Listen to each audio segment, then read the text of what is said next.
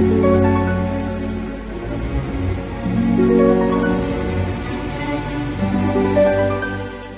Cancer, saya Dama Madam Aza. Kita bacakan sekarang kartu tarotnya. Yang pertama, karir, bisnis, dan juga peruntungan Cancer.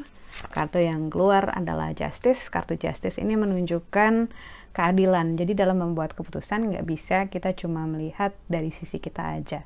Kita harus memperhatikan dari sisi orang-orang di sekeliling kita, sisi atasan, rekan kerja, klien gitu, bawahan gitu ya. Banyak hal yang terkait gitu. Seringkali manusia itu bukan membuat kesalahan ya, sering kali pandangan kita itu kurang futuristik ataupun belum 360 gitu ya karena kita cuman silo ngelihat pakai kacamata kuda aku ngelihatnya seperti ini loh gitu tanpa memperhatikan dampak dari sebuah masalah ataupun keputusan kita terhadap yang di sekeliling. Karena itu kartu justice mengingatkan dirimu untuk selalu memperhatikan orang-orang yang di sekelilingmu ataupun impact dari apa pun yang hendak kamu lakukan. Ibaratnya kartu domino yang disusun berdiri gitu ya semuanya pasti akan ada pengaruhnya. Lalu untuk percintaannya Cancer, kartu yang keluar adalah Judgment.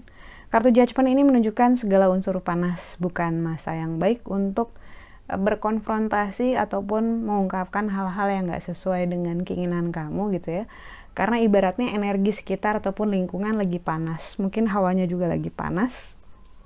Really not a good time uh, buat deep conversation ataupun pembicaraan-pembicaraan yang sulit. Bukan berarti nggak boleh ngobrol, boleh-boleh aja. Tapi kalau ngelihat dari energi sekitar sih sedang belum mendukung ya. Jadi kalau misalnya nanti ada yang mau diomongin, mungkin dilihat-lihat dulu situasinya, mungkin dipikirin dulu momen yang paling tepat.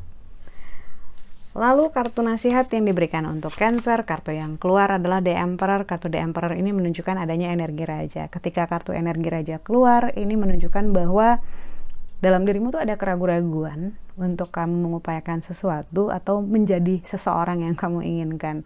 Kartu The Emperor mengingatkan dirimu bahwa dengan adanya energi raja ini kamu cukup kuat, kamu cukup mampu.